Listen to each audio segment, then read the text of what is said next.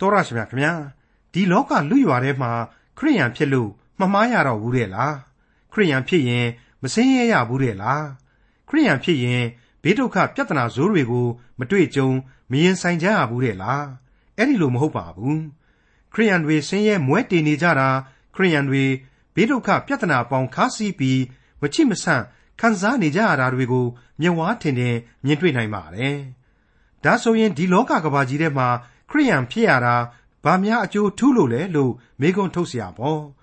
ဒီလိုမှားကြယွင်းကြတဲ့ခရိယန်တွေလဲကြကွဲကြတဲ့ခရိယန်တွေခုနှစ်ကြိမ်မှားလို့ခုနှစ်ခါလဲကြပါစေပြန်ပြီးထလာကြတာက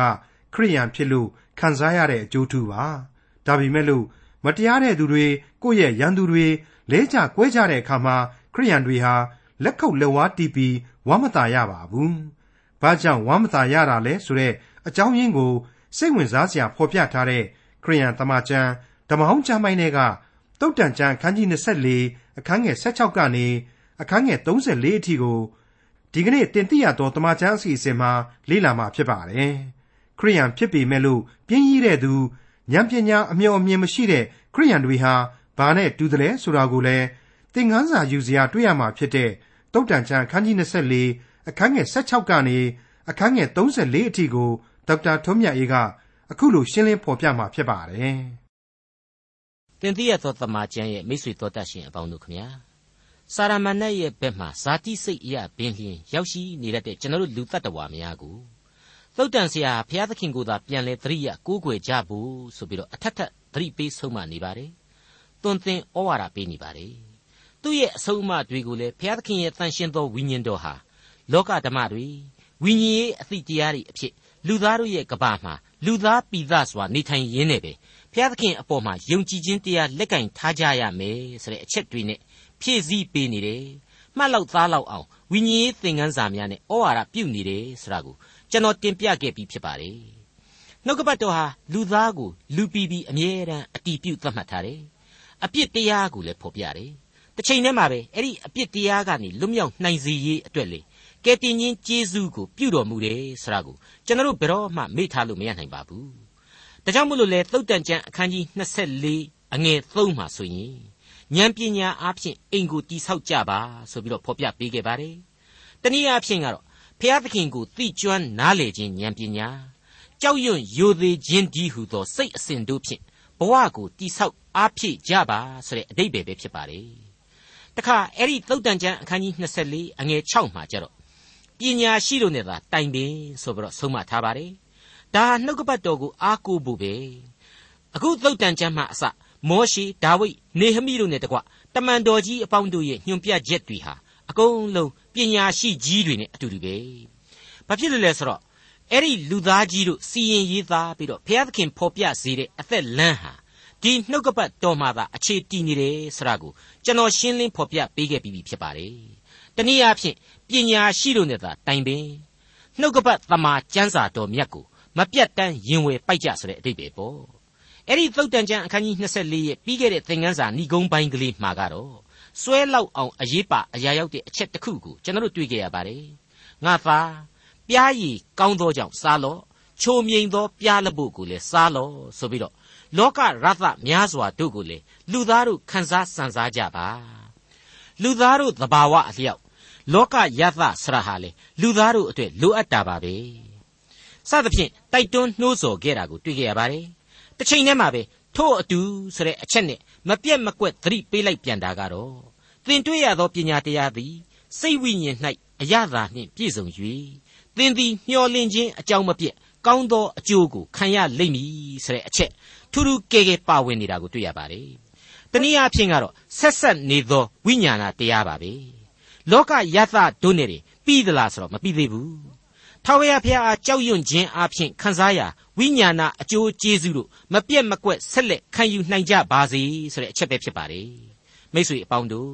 ဒီကနေ့ကျွန်တော်တို့ဆက်ရမယ့်အပိုင်းကတော့အဲ့ဒီသုတ်တန်ကျမ်းအခန်းကြီး24ရဲ့ကျမ်းအပိုင်းဖြစ်ပါတယ်ဒါကိုဆက်လက်လေ့လာကြည့်ကြပါအောင်စို့သုတ်တန်ကျမ်းအခန်းကြီး24အငယ်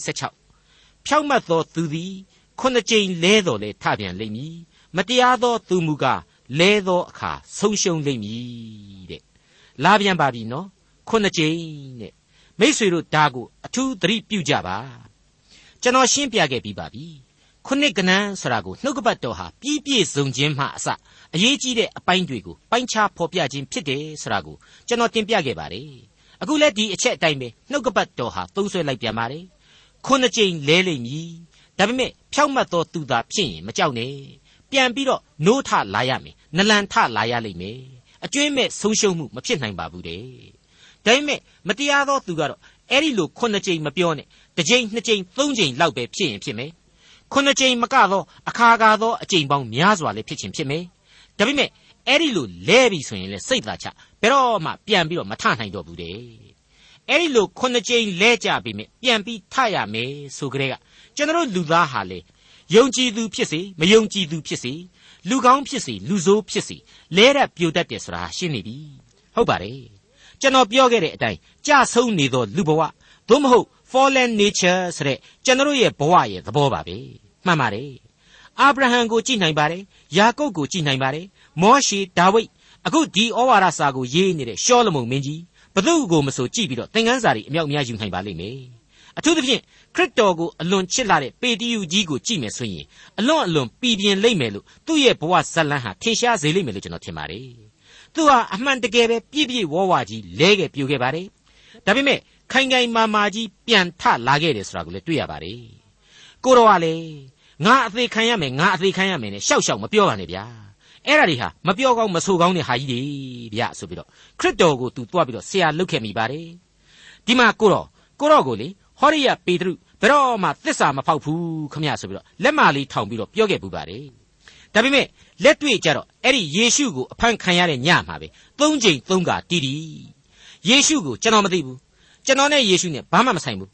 ဖះပေပေကြံပေပေကျွန်တော်အရှင်းမပါဘူးဆိုတာမျိုးတွေတွားပြီးတော့လုတ်ခဲ့မိပါတယ်ဒါပေမဲ့အမှန်တကယ်ယေရှုကိုချစ်တယ်ယုံကြည်ခြင်းရှိနေတယ်အဲ့ဒီအခါမှာအပြစ်ပင်ရှိတော်ညာလည်းပဲဖြောက်မှတ်တော်သူအဖြစ် ထီရီမတ်ထောင်ပြန်ပြီးတော့ထလာနိုင်ခဲ့ပါတယ်အသင်းတော်တို့ရဲ့ဥဆောင်ဖခင်ကြီးဖြစ်လာတယ်ဆိုတာဟာသမိုင်းအရာမငင်းနိုင်အောင်ကျွန်တော်တို့တွေ့လာရတဲ့အချက်တွေပဲဖြစ်ပါတယ်ယူရရှကာယုတ်ကိုပြန်ပြီးတော့ကြည့်ကြပါဦးအဲ့ဒီပုံကိုကြတော့ကျမ်းစာကမလိုလို့အတိအကျမဖော်ပြပေမဲ့ငွေရေးကြေးနဲ့ပတ်သက်လာရင်ငကိုတဲ့နာမည်ပြက်ကလေးတွေရှိခဲ့တယ်ပြီးတော့အဲ့ဒီငွေတွေနဲ့ပဲမှတ်မှတ်သားသားကြီးကြဆုံးသွားခဲ့ရတယ်ဘလောက်အထိကြဆုံးတယ်လဲဆိုရင်ကိုတော့ ကျွန်တော်ဟာရှေးကာလကျမ်းစာဗျာဒိတ်တော်တွေအတိုင်းပဲဘယ်လိုဘယ်လိုဖြစ်ပြီးတော့ဖောက်ပြန်သွားရတယ်မသိပဲဖောက်ပြန်သွားခဲ့ရပါတယ်ခင်ဗျာကျွန်တော်အပြစ်ကိုခွင့်လွှတ်တော်မူပါဆိုတာကလေးတစ်ချက်မှမပြောနိုင်ခဲ့ဘူးခရစ်တော်ကိုဖမ်းတဲ့ညတစ်ခုတည်းမှတည်းသူဟာဖာရိရှဲဘက်တော်သားသစ္စာပေါက်အနေနဲ့ခရစ်တော်ကိုတွေ့မြင်နိုင်ခွင့်တွေအ ਨੇ ဆုံး၃ချိန်၃ခါလောက်ရှိခဲ့တယ်လို့ကျွန်တော်ခံမှန်းရပါတယ်တခါမှအဲ့ဒီလိုသွားပြီးတော့တောင်းပန်ချင်းကပ်ချင်းတိုးဝင်အသနာခံခြင်းမျိုးမရှိဘဲနဲ့ သူ့အပြစ်ကိုသူဟာသတ်သေးတဲ့နီးနဲ့သာရှင်းပစ်လိုက်တယ်ဆိုတာကိုတွေ့ရပါတယ်အဲ့ဒီလိုမယိုးမဆွဲဒီကိုဖာရောဘုရင်ရဲ့ဘဝနဲ့လည်းတက်တည်ထူနိုင်ပါလိမ့်မယ်ဖာရောဘုရင်ကိုဘုရားသခင်ကတဲ့တမင်စိတ်ခိုင်မာစေတယ်တစ်ဖက်သက်အပြစ်ပေးတယ်ဆိုပြီးတော့အယံဘာသာပြန်နေဘုရားသခင်ကပဲညစ်တရားရောင်ဘာရရောင်တွေးကြခေါ်ကြပါလေတကယ်တော့အရှင်းမဟုတ်ပါဘူးဘုရားသခင်ကိုတော်တိုင်ဟာဖာရောဘုရင်ကိုသူ့ကိုတိကျွမ်းနားလေစေဖို့မိတ်ဆက်ပေးခဲ့တယ် ဣသရေလတို့ကိုဘုရားသခင်ကိုကိုးကွယ်ခွင့်အတွက်သုံးရက်လောက်အခွင့်ပေးပါဆိုပြီးတော့ခြေခြေငန်းငန်းရင်ရင်ကြေးကြေးတောင်းဆိုစေခဲ့တယ်အဲ့ဒီနောက်မှာဒီဘုရင်ဟာတစ်ချက်ကလေးမှပြောင်းလဲခြင်းမရှိညှာတာထောက်ထားခြင်းတွေမရှိတဲ့အချိန်ကြပြန်တော့လေသူ့ရဲ့နတ်ဖျားတွေမှာဘာတကူမှမရှိတဲ့အကြောင်းကိုစတင်သိသာအောင်ဆုံးမပေးခဲ့တယ်။အစင်စင်သောအဆုံးအမတွေကိုပြုနေတဲ့ကြားတဲ့ကဒီဘရင်ဟာဘုရားသခင်ကိုဆက်လက်ပြီးတော့တော်လှန်နေခြင်းကြောင့်သာလျှင် ဘုရားသခင်ဟာသူ့ရဲ့မကောင်းတဲ့စိတ်နှလုံးကိုခိုင်မာသွားစေခြင်းဖြစ်တယ်ဆိုတာကိုကျွန်တော်ရှင်းလင်းဖော်ပြပေးခဲ့ပါတယ်။မိษွေတော်တတ်ရှင်အပေါင်းတို့ခမညာဘုရားသခင်ကိုတော်တိုင်ဟာလူတစ်ယောက်ရဲ့နှလုံးသားကိုအဲ့ဒီလူကိုကိုကိုသိတာတဲ့ပိုသိတယ်ဆိုတာကိုကျွန်တော်တို့ဘယ်လို့မှညင်းလို့မရနိုင်ပါဘူး။ဒါကြောင့်လည်းထွတ်မြောက်ရာကျမ်းမှာဖာရောဘုရင်အကြောင်းကိုမောရှေကိုထာဝရဘုရားအခုလိုကြိုတင်ဖော်ပြခဲ့ပါသေးတယ်။အဲဂုတ်ထုဘုရင်သည်ကြီးစွာသောတကိုးကိုမတွေ့မမြင်လျင်သွားရသောအခွင့်ကို သင်တို့အားမပေးကြောင်းကိုငါသိ၏တဲ့။ဘလောက်ရှင်းလေ။အဲ့ဒါကိုထွတ်မြောက်ရာကျမ်းအခန်းကြီး3အငယ်16မှာဖော်ပြထားတာကိုအခိုင်အမာပြန်ပြီးတော့မိတ်ဆွေတို့ဖတ်ရှုနိုင်ပါတယ်။မိတ်ဆွေအပေါင်းတို့အဲ့ဒီလိုလူတွေဟာဖြင့်လဲလိုက်ပြီဆိုတာနဲ့ပြန်ကိုထခွင့်မရှိတော့ဘူးဆိုတဲ့ဖြစ်ရမျိုးကိုနှုတ်ကပတ်တော်မှာလူပေါင်းမြောက်များစွာရဲ့အသက်တာတို့အဖြစ်တွေ့ရပါတယ်။သုတ်တန်ကျမ်းမှတဆင့်ကျွန်တော်တို့ကိုလည်းရှင်းရှင်းကြီးဖော်ပြလိုက်ပါပြီဖြောင့်မတ်သောသူသည် ခုနှစ်ကြိမ်လဲတော်လဲထပြန်လိမ့်မည်မတရားသောသူမူကားလဲသောအခါဆုံးရှုံးလိမ့်မည်တဲ့သုတ်တန်ကျမ်းအခန်းကြီး24အငယ်16မှ20အထိသင်ဤရန်သူလဲသောအခါဝမ်းမမြောက်နှင့်ခြေထိခိုက်သောအခါရှင်လန်းသောစိတ်မရှိနှင့်ရှိလျင်ထာဝရဘုရားသိမြင်သဖြင့်မနှစ်သက်ဘဲသူမှအမျက်တော်ကိုလွှဲတော်မူမည်မတရားသောသူတို့ကြောင့်စိတ်မပူနှင့်အတ္တမလူတို့ကိုမညှူစုနှင့် အကြောင်းမူကားမတရားသောသူသည်အကျိုးကိုမရအတ္တမလူဤမိခွက်သည်သေလိမ့်မည်တနည်းအားဖြင့်ကတော့သင်သို့မဟုတ်ဉာဏ်ပညာကိုစီးဘူးလို့နားရည်ဝနေသူဘုရားသခင်ရှေ့တော်မှာဖြောင့်မတ်ပါပြီလူတော်လူကောင်းတယောက်ဖြစ်နေပါပြီဆိုကမှအဲ့ဒီလူဒီဟုသောတတ္တဝါရဲ့အာနယ်ချက်ကိုဒီကြမ်းအားဖြင့်ရှင်းလင်းစွာတွေ့ရပြီကိုနဲ့မတည့်တဲ့လူဒုက္ခရောက်တော့သဘောတွေပါကြာပြီးတော့လက်ခုပ်လက်ဝါးကလေးတီးပြီးပြုံးတတ်တယ် ငါ့ကိုမဟုတ်တာလုပ်တဲ့ငတိတော့သွားပြီကိုစရိတ်နဲ့ကိုမပြန်လန်းကိုမြန်းပြီဆိုတာမျိုးမလုပ်ပါနဲ့တဲ့ဘုရားသခင်မကြိုက်ပါဘူးအမျက်တော်ဟာအဲ့ဒီဘက်ကနေနောက်ပြန်ဆုတ်ပြီးတော့ကိုယ့်ဘက်ကိုရောက်လာလိမ့်မယ်တဲ့ဟုတ်ပါတယ်ဒီအကြောင်းကိုယောမဩဝါဒစာမှာလေမယိုးမဆွဲသွားပြီးတွေ့ရပါတယ်ပုံစံချပြီးတော့ဆုံးမဒါချင်းကတော့ပုံစံချင်းမတူပါဘူး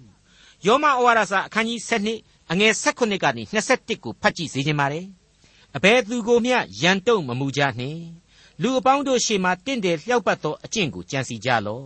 သင်တို့သည်တတ်နိုင်သမျှအတိုင်းလူအပေါင်းတို့နှင့်အသင့်အတင့်နေကြလော့ချစ်သူတို့သူတစ်ပါးသည်သင်တို့ကိုပြစ်မှားလျင်ကိုယ်တိုင်အပြစ်ပြန်၍မတုံ့ကြနှင့်အမျက်တော်ကိုအခွင့်ပေးကြလော့ကျမ်းစာလာသည်ကငါသည်အပြစ်တရားကိုစီရင်ပိုင်၏အပြစ်နှင့်အလျောက်ငါဆက်ပေးမည်ဟုထာဝရဘုရားမိန့်တော်မူ၏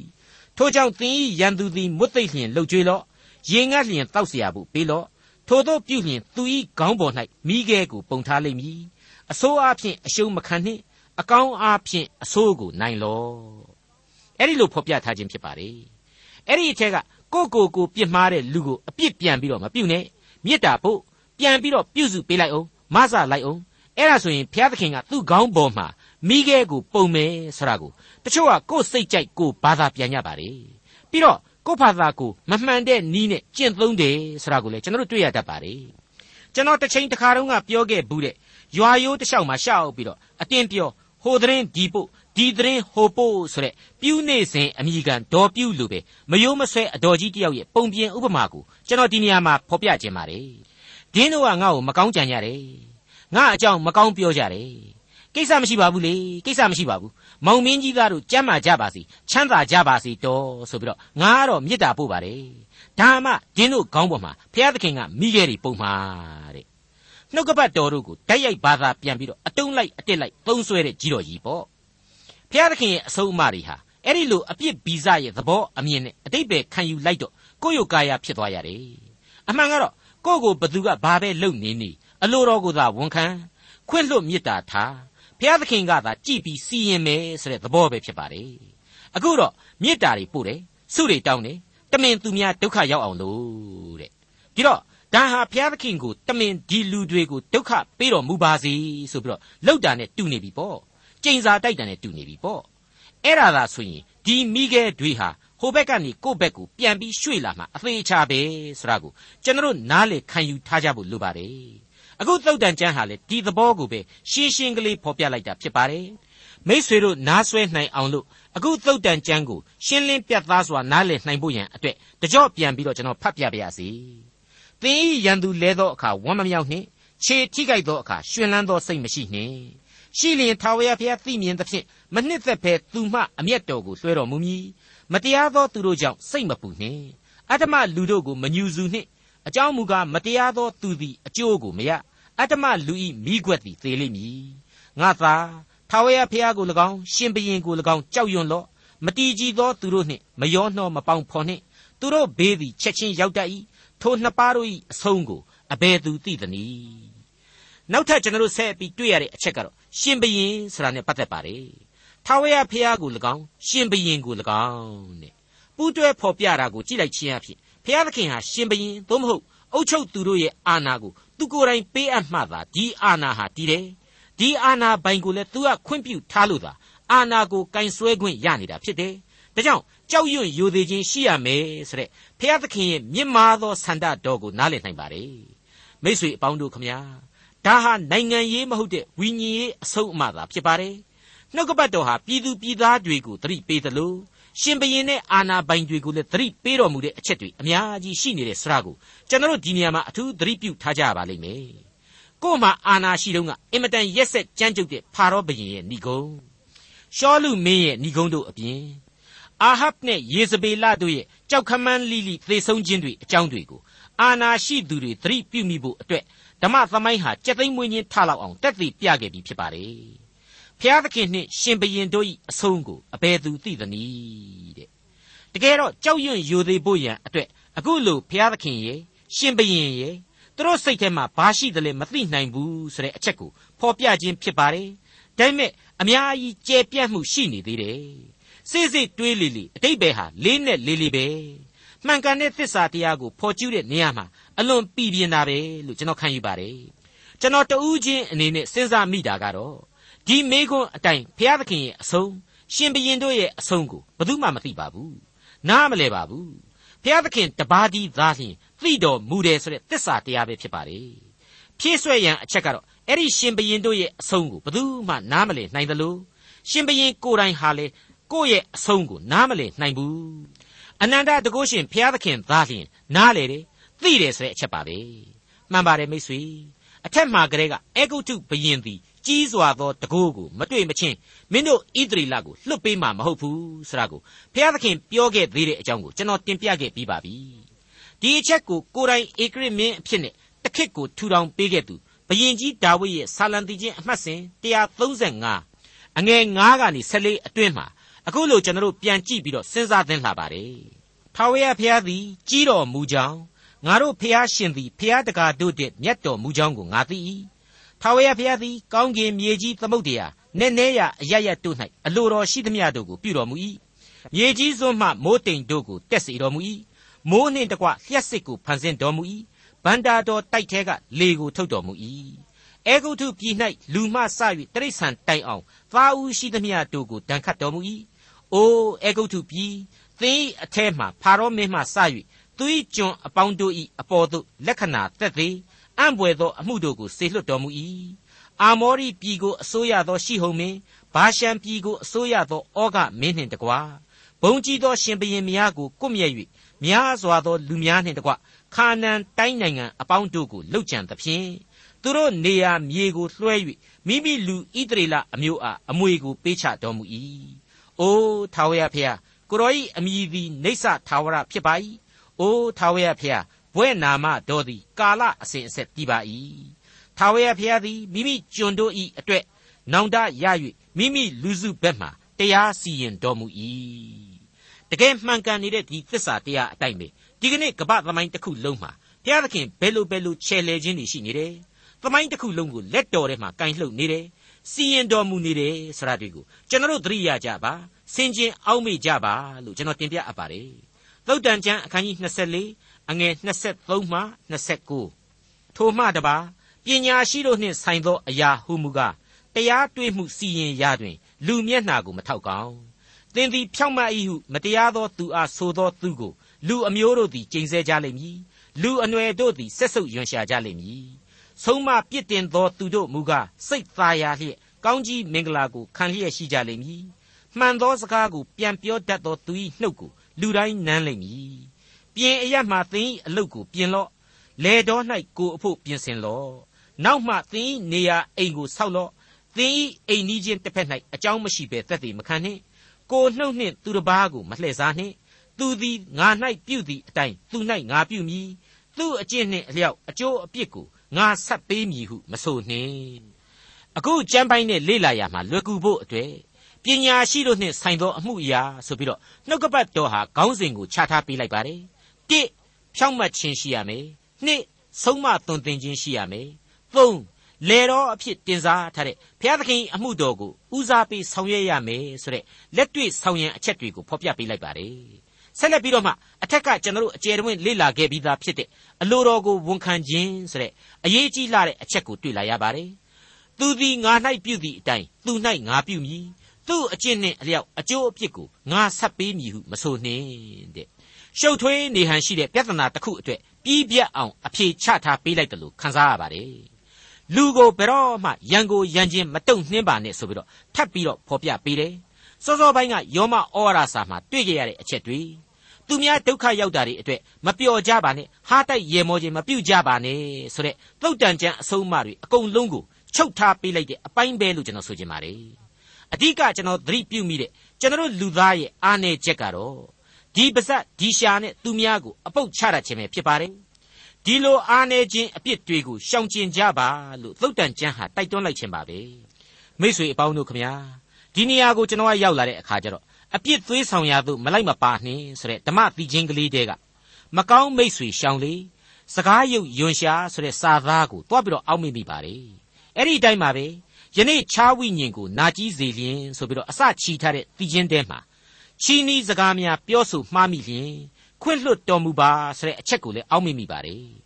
ဆိုလိုတာကတော့သူများမကောင်းကြောင်းတွေကိုရှောက်ပြီးမပြောပါနဲ့သပုတ်လေလွင့်နေမလုပ်ပါနဲ့စကရုပ်တွေကိုပြောမနေပါနဲ့ကိုသာလျင်ကောင်းအောင်နေပါဆိုတဲ့အချက်ကိုသတိတရားရစေဖို့အတွက်ပဲဖြစ်ပါတယ်မိษွေအပေါင်းတို့ခွင့်လွတ်နိုင်ခြင်းဆိုတဲ့မေတ္တာစိတ်မရှိဘဲနဲ့လူလောကမှာနေရခြင်းဟာအရှုံးကြီးတစ်ခုပဲဆိုပြီးတော့ကျွန်တော်ဆိုချင်ပါတယ်လောကမှာဘယ်သူမှမပြည့်စုံပါဘဲနဲ့ အပြစ်တစ်ခုမဟုတ်တစ်ခုမိษွေတို့ကျွန်တော်တို့လူတိုင်းမှာရှိပြီးသားဖြစ်ပါတယ်အဲ့ဒီအပြစ်လူပေါင်းအဖွဲ့အစည်းမှာသူမကိုမအမှားပေါင်းများစွာနဲ့အမြဲထိတ်တိုက်တွေ့နေကြရမှာဟာဧကံမလွဲပဲဖြစ်ပါတယ်အခုခေတ်ကျွန်တော်အချိန်ကာလမှာဆိုရင်စပွဲဝိုင်းထိုင်ပြီးတော့တွေ့ဆုံဆွေးနွေးရေးမူဝါဒဆိုတဲ့စကားဟာနိုင်ငံရေးလောကမှာတွင်ကျယ်နေပါတယ်စီးပွားရေးလောကမှာလည်းတွင်ကျယ်နေပါတယ်အကောင်းဆုံးသောဖြည့်ရှင်းနည်းဆိုတဲ့သဘောပါပဲ ပရိပက္ခတို့ကိုငြိမ်းချမ်းစွာဖြည့်ရှင်းသောနည်းစပွဲဝိုင်းထိုင်ပြီးတော့တွေ့ဆုံဆွေးနွေးရေးနီလန်ပေါ့ကောင်းပါတယ်ရန်ဖြစ်ပြီးတော့စစ်တွေထတိုက်နေတာနဲ့စာရင်တော့မဆိုးဘူးပေါ့ဒါပေမဲ့အဲ့ဒီစပွဲဝိုင်းကထပြီးပြန်တာနဲ့သူမကောင်းဘူးငါကောင်းတယ်သူမှားတယ်ငါမှန်တယ်ဆိုတဲ့အသံတွေဟာမန်ဖီပြီးထွက်လာကြစမြဲပဲဆိုတာကိုသတင်းစာတွေရေဒီယိုတွေတယ်လီဗေးရှင်းတွေမှာကျွန်တော်တို့သတိပြုနိုင်ပါတယ်အဲ့ဒီတော့အရာရာမှာတမာတရားအခြေခံနဲ့သာ လူပေါင်းပြဿနာတွေကိုမဖြေရှင်းတိုက်ဘူးလားဆိုတဲ့အချက်တစ်ချက်ကျွန်တော်အုံနောက်ထဲမှာပေါ်လာပါတယ်ဒါပေမဲ့လည်းနောက်ဆုံးကျတော့ဒီတမာတရားကိုကင်ဆွဲတဲ့လူသားတွေကိုယ်တိုင်ဟာအပြစ်သမိုင်းနဲ့စစ်သမိုင်းတို့ရဲ့အမွေကိုခံလာကြရတာကြီးပဲလူဟာလူပဲဘယ်တော့အခါမှပြေဝစုံလင်တယ်လို့မရှိနိုင်ပဲနဲ့ဘုရားသခင်ရဲ့အလိုတော်နဲ့အညီသားလျင်ဒီသမိုင်းဟာဆက်လက်ချီတက်သွားရအောင်မှာမလွဲဧကံဖြစ်တယ်ဆိုတာကိုကျွန်တော်ထပ်မံပြီးတော့ဆင်ခြင်တုံနှလုံးသွင်းမိပါတယ် ဝန်းနေစွာနဲ့မှတ်ချက်ချမိပါတယ်အခုသုတ်တန်ကျမ်းကတော့အခိုင်အမာဩဝါဒပြုလိုက်ပါပြီသင်ဤအိမ်နီးချင်းတစ်ဖက်၌အကြောင်းမရှိဘဲတက်တည်မခံနှင့်ကိုနှုတ်နှင့်သူတစ်ပါးကိုမလှည့်စားနှင့်သူသည်ငါ၌ပြုသည့်အတိုင်းသူ၌ငါပြုမည်သူ့အကျင့်နဲ့အလျောက်အကျိုးအပြစ်ကိုငါဆက်ပေးမည်ဟုမဆိုနှင့်အဲ့ဒီလိုဖြစ်ပါတယ်မိ쇠အပေါင်းတို့ခမညာအခုအချိန်မှာတော့သုတ်တန်ကျမ်းအခန်းကြီး24ရဲ့ဏိဂုံးပိုင်းကိုရောက်ရှိလာပါပြီသုတ်တန်ကျမ်းအခန်းကြီး24 အငယ်30မှ34အဆုံးအထိပြင်းရည်သောသူ၏လေယာအနားနှင့်ဉာဏ်မရှိသောသူ၏စပြည့်ဥယျင်အနားမှငါလျှောက်သွားစဉ်စူးပင်များပြား၍မြေတပြင်လုံးစူးလေပင်အနှံ့အပြားလွှမ်းမိုးလျက်ကြောက်ရိုးပြိုလျက်ရှိသည်ကိုငါမြင်၍စိတ်စိတ်ဆင်ခြင်၏ကြည့်ရှု၍သွန်သင်ခြင်းကိုခံရ၏ခဏအိပ်လျက်ခဏပျော်လျက်အိပ်ပျော်ခြင်းဟာခဏလက်ချင်းပိုက်လျက်နေစဉ်တွင်ဆင်းရဲခြင်းသည်ခยีသွားသောသူကဲ့သို့၎င်း ဥစ္စာပြုံးတီးခြင်းသည်သူရဲကဲ့သို့၎င်းရောက်လာလိမ့်မည်လူပြင်းတွေဉာဏ်မရှိတဲ့လူတွေရဲ့ဘဝကိုငါလှည့်ပြီးတော့ကြည့်တဲ့အခါမှာသင်ခန်းစာတွေအများကြီးရရှိလာတယ်တဲ့သူတို့ရဲ့ဥယျင်တွေတဲကိုငါကဲပြီးကြည့်လိုက်တဲ့အခါကျတော့ပြောတော့သာစပြည့်ဥယျင်ဒါမှမဟုတ်ရင်လေငပြောဥယျင်ပလောပီနံဥယျင်ပေါ့သေသေးချာကြည့်လိုက်တဲ့အခါကျတော့စူးဥယျင်များလာတော့မှအောက်မိနေရတယ် ကိုယ့်ကိုကျွေးမဲ့မွေးမဲ့အကျိုးပြုမဲ့အပင်တွေကအကုန်လုံးလှီပြီးတော့အဲ့ဒီဆူးတွေမြဲရိုင်းတွေအသုံးပါမှမဝင်တဲ့အပင်ရိုင်းတွေကသာထူးထူးကဲကဲကြီးထွားလွှမ်းမိုးနေတာကိုတွေ့ရပါတယ်တဲ့ပြီးတော့အဲ့ဒီဥယျင်ရဲ့ကြောက်ရိုးကလည်းပြိုလဲကျနေတယ်ဆိုပါလား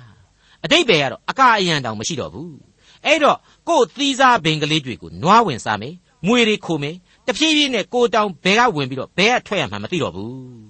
ဝင်လဲမဝင်ခြင်းထွက်လဲမထွက်ခြင်းတော့ဘူးဘာဖြစ်လို့လဲဆိုတော့စူးစူးတယ်လေနွားတွေကဝင်ထတော့နောက်ချေးပုံတွေတက်နင်းမိတယ်လေအခက်မသိလို့ရှိရင်မွေကြိုက်ခံရတဲ့အဆင့်အထိလဲရောက်သွားနိုင်တယ်ဒါဟာဘုရားသခင်ပေးထားတဲ့ကိုယ့်ရဲ့ဘဝအသက်တာကိုကိုယ်တိုင်ကပြန်ပြီးတော့ပေလျက်ကံပြုခြင်းမထိမ့်မသိမ့်မဆောင်ရှောက်ခြင်းနဲ့ပျက်စီးပြုံးတီးခြင်းတို့ရဲ့တရုပ်သကန်တွေပဲဖြစ်ပါတယ်မှန်ပါတယ်ဒီအဖြစ်တစ်နှစ်တွေကိုကြည့်ရှုယုံတယ်မဟုတ်မြင်ယုံကြားယုံမျှတာမဟုတ် သွန်သင်ခြင်းအဖြစ်ခံယူတယ်လို့ဆိုလိုက်ပါတယ်အလွန်ကောင်းတဲ့ဝိညာဉ်ရေးသင်ခန်းစာကိုခံယူခြင်းပဲဖြစ်ပါတယ်ကိုယ့်ရဲ့ဘဝကိုတန်ဖိုးမထားတဲ့နေရာမှာဣဇက်ရဲ့သားကြီးအေသောရဲ့အကြောင်းကိုပဲကျွန်တော်ပြန်ပြီးတော့ဒီနေရာမှာတင်ပြခြင်းပါတယ်စိတ်မကောင်းစရာလည်းကောင်းတယ်ဝန်းနဲ့မျက်ရည်ကျစရာလည်းကောင်းတယ်သင်ခန်းစာရယူစရာလည်းအများကြီးကောင်းတယ်လို့ကျွန်တော်ထင်ပါတယ်အဖေကြီးဣဇက်ကနေပြီးတော့သားရည် မင်းရဲ့သားဦးအရေးအရာကိုတော့မင်းညီယာကုပ်ကယူသွားလို့ကောင်းကြီးတွေသူ့ကိုငါပုံပေးလိုက်ရပြီကွယ်လို့ဆိုတဲ့အချိန်မှာအေးသောဖြစ်ခဲ့ရဘုံကလေးကိုအလွန်ပြေပြန်ပြီးတော့လှည့်ကြည့်ကြပါအဖေတဲ့ကျွန်တော်အဖို့ကောင်းကြီးမင်္ဂလာလေးတပားလောက်တောင်မှမကြံတော့ဘူးလားယင်ဆိုပြီးတော့ကပ္ပဦးကျမ်းအခန်းကြီး29အငယ်38နဲ့40အတွင်းမှာအခုလိုဆက်ပြီးတော့တွေ့မြင်နိုင်ပါတယ်ဣဇက်ကလည်းသူ့ကိုသင်၏အရှင်ဖြစ်စေပြီ ညီအကိုအပေါင်းတို့ကိုသူ၌ကျွန်ခံစေပြီဆန်စပါစပြည့်ရည်နှင့်သူ့ကိုထောက်မှပြီတို့ဖြစ်၍ငါသာသင်၌အဘယ်သို့ပြုနိုင်တော့အံ့နည်းဟုအေသောအားပြန်ပြောလျင်အေသောကအိုအဖာကောင်းကြီးမင်္ဂလာတစုံတစ်ခုမျှမရှိပါသလောအိုအဖအကျွန်ုပ်ကိုလည်းကောင်းကြီးပေးပါလော့ပေးပါလော့ဟုအဖအားပြောဆိုလျက်တဖန်အသံကိုလွှင့်၍ငိုကြွေးလေ၏မိတ်ဆွေတော်တတ်ရှင်အပေါင်းတို့ခမညာအေသောဆိုတဲ့လူမိုက်တယောက်ရဲ့ ပေးပါလော့ပေးပါလော့ဆိုပြီးတော့ငိုကြွေးမြည်တမ်းသံတွေဟာကျွန်တော်မိတ်ဆွေတို့အတွက်ဓမ္မသမိုင်းသာမကကပ္ပသမိုင်းဝင်မှတ်တိုင်တွေလို့ကျွန်တော်ဆိုချင်ပါတယ်အဲ့ဒီဒုက္ခဆင်းရဲခြင်းတွေဆရာဟာလေအင်မတန်မှအံ့ဩဖို့ကောင်းလောက်အောင်မျက်လှည့်ဆန်းဆန်းကြရောက်တတ်တယ်မျက်စိတမိတ်လျှက်တပြက်လို့တောင်မှပြောလို့ရတယ်ဆရာကိုသုတ်တန်ဆရာဟာကျွန်တော်အတွက်ဒီကနေ့ဖော်ပြပေးလိုက်ပါတယ်ခင်ဗျာဒေါက်တာထွန်းမြတ်ရေးစီစဉ်တင်ဆက်တဲ့တင်ပြရသောတမချန်းအစီအစဉ်ဖြစ်ပါတယ် နောက်တစ်ချိန်အစီအစဉ်မှာခရိယန်တမချန်းဓမ္မဟောင်းကျမ်းပိုင်းတွေကတုတ်တန်ချန်းအခန်းကြီး25အခန်းငယ်1ကနေအခန်းငယ်73အထိကိုလေ့လာမှဖြစ်တဲ့အတွက်စောင့်မျှော်နားဆင်နိုင်ပါတယ်။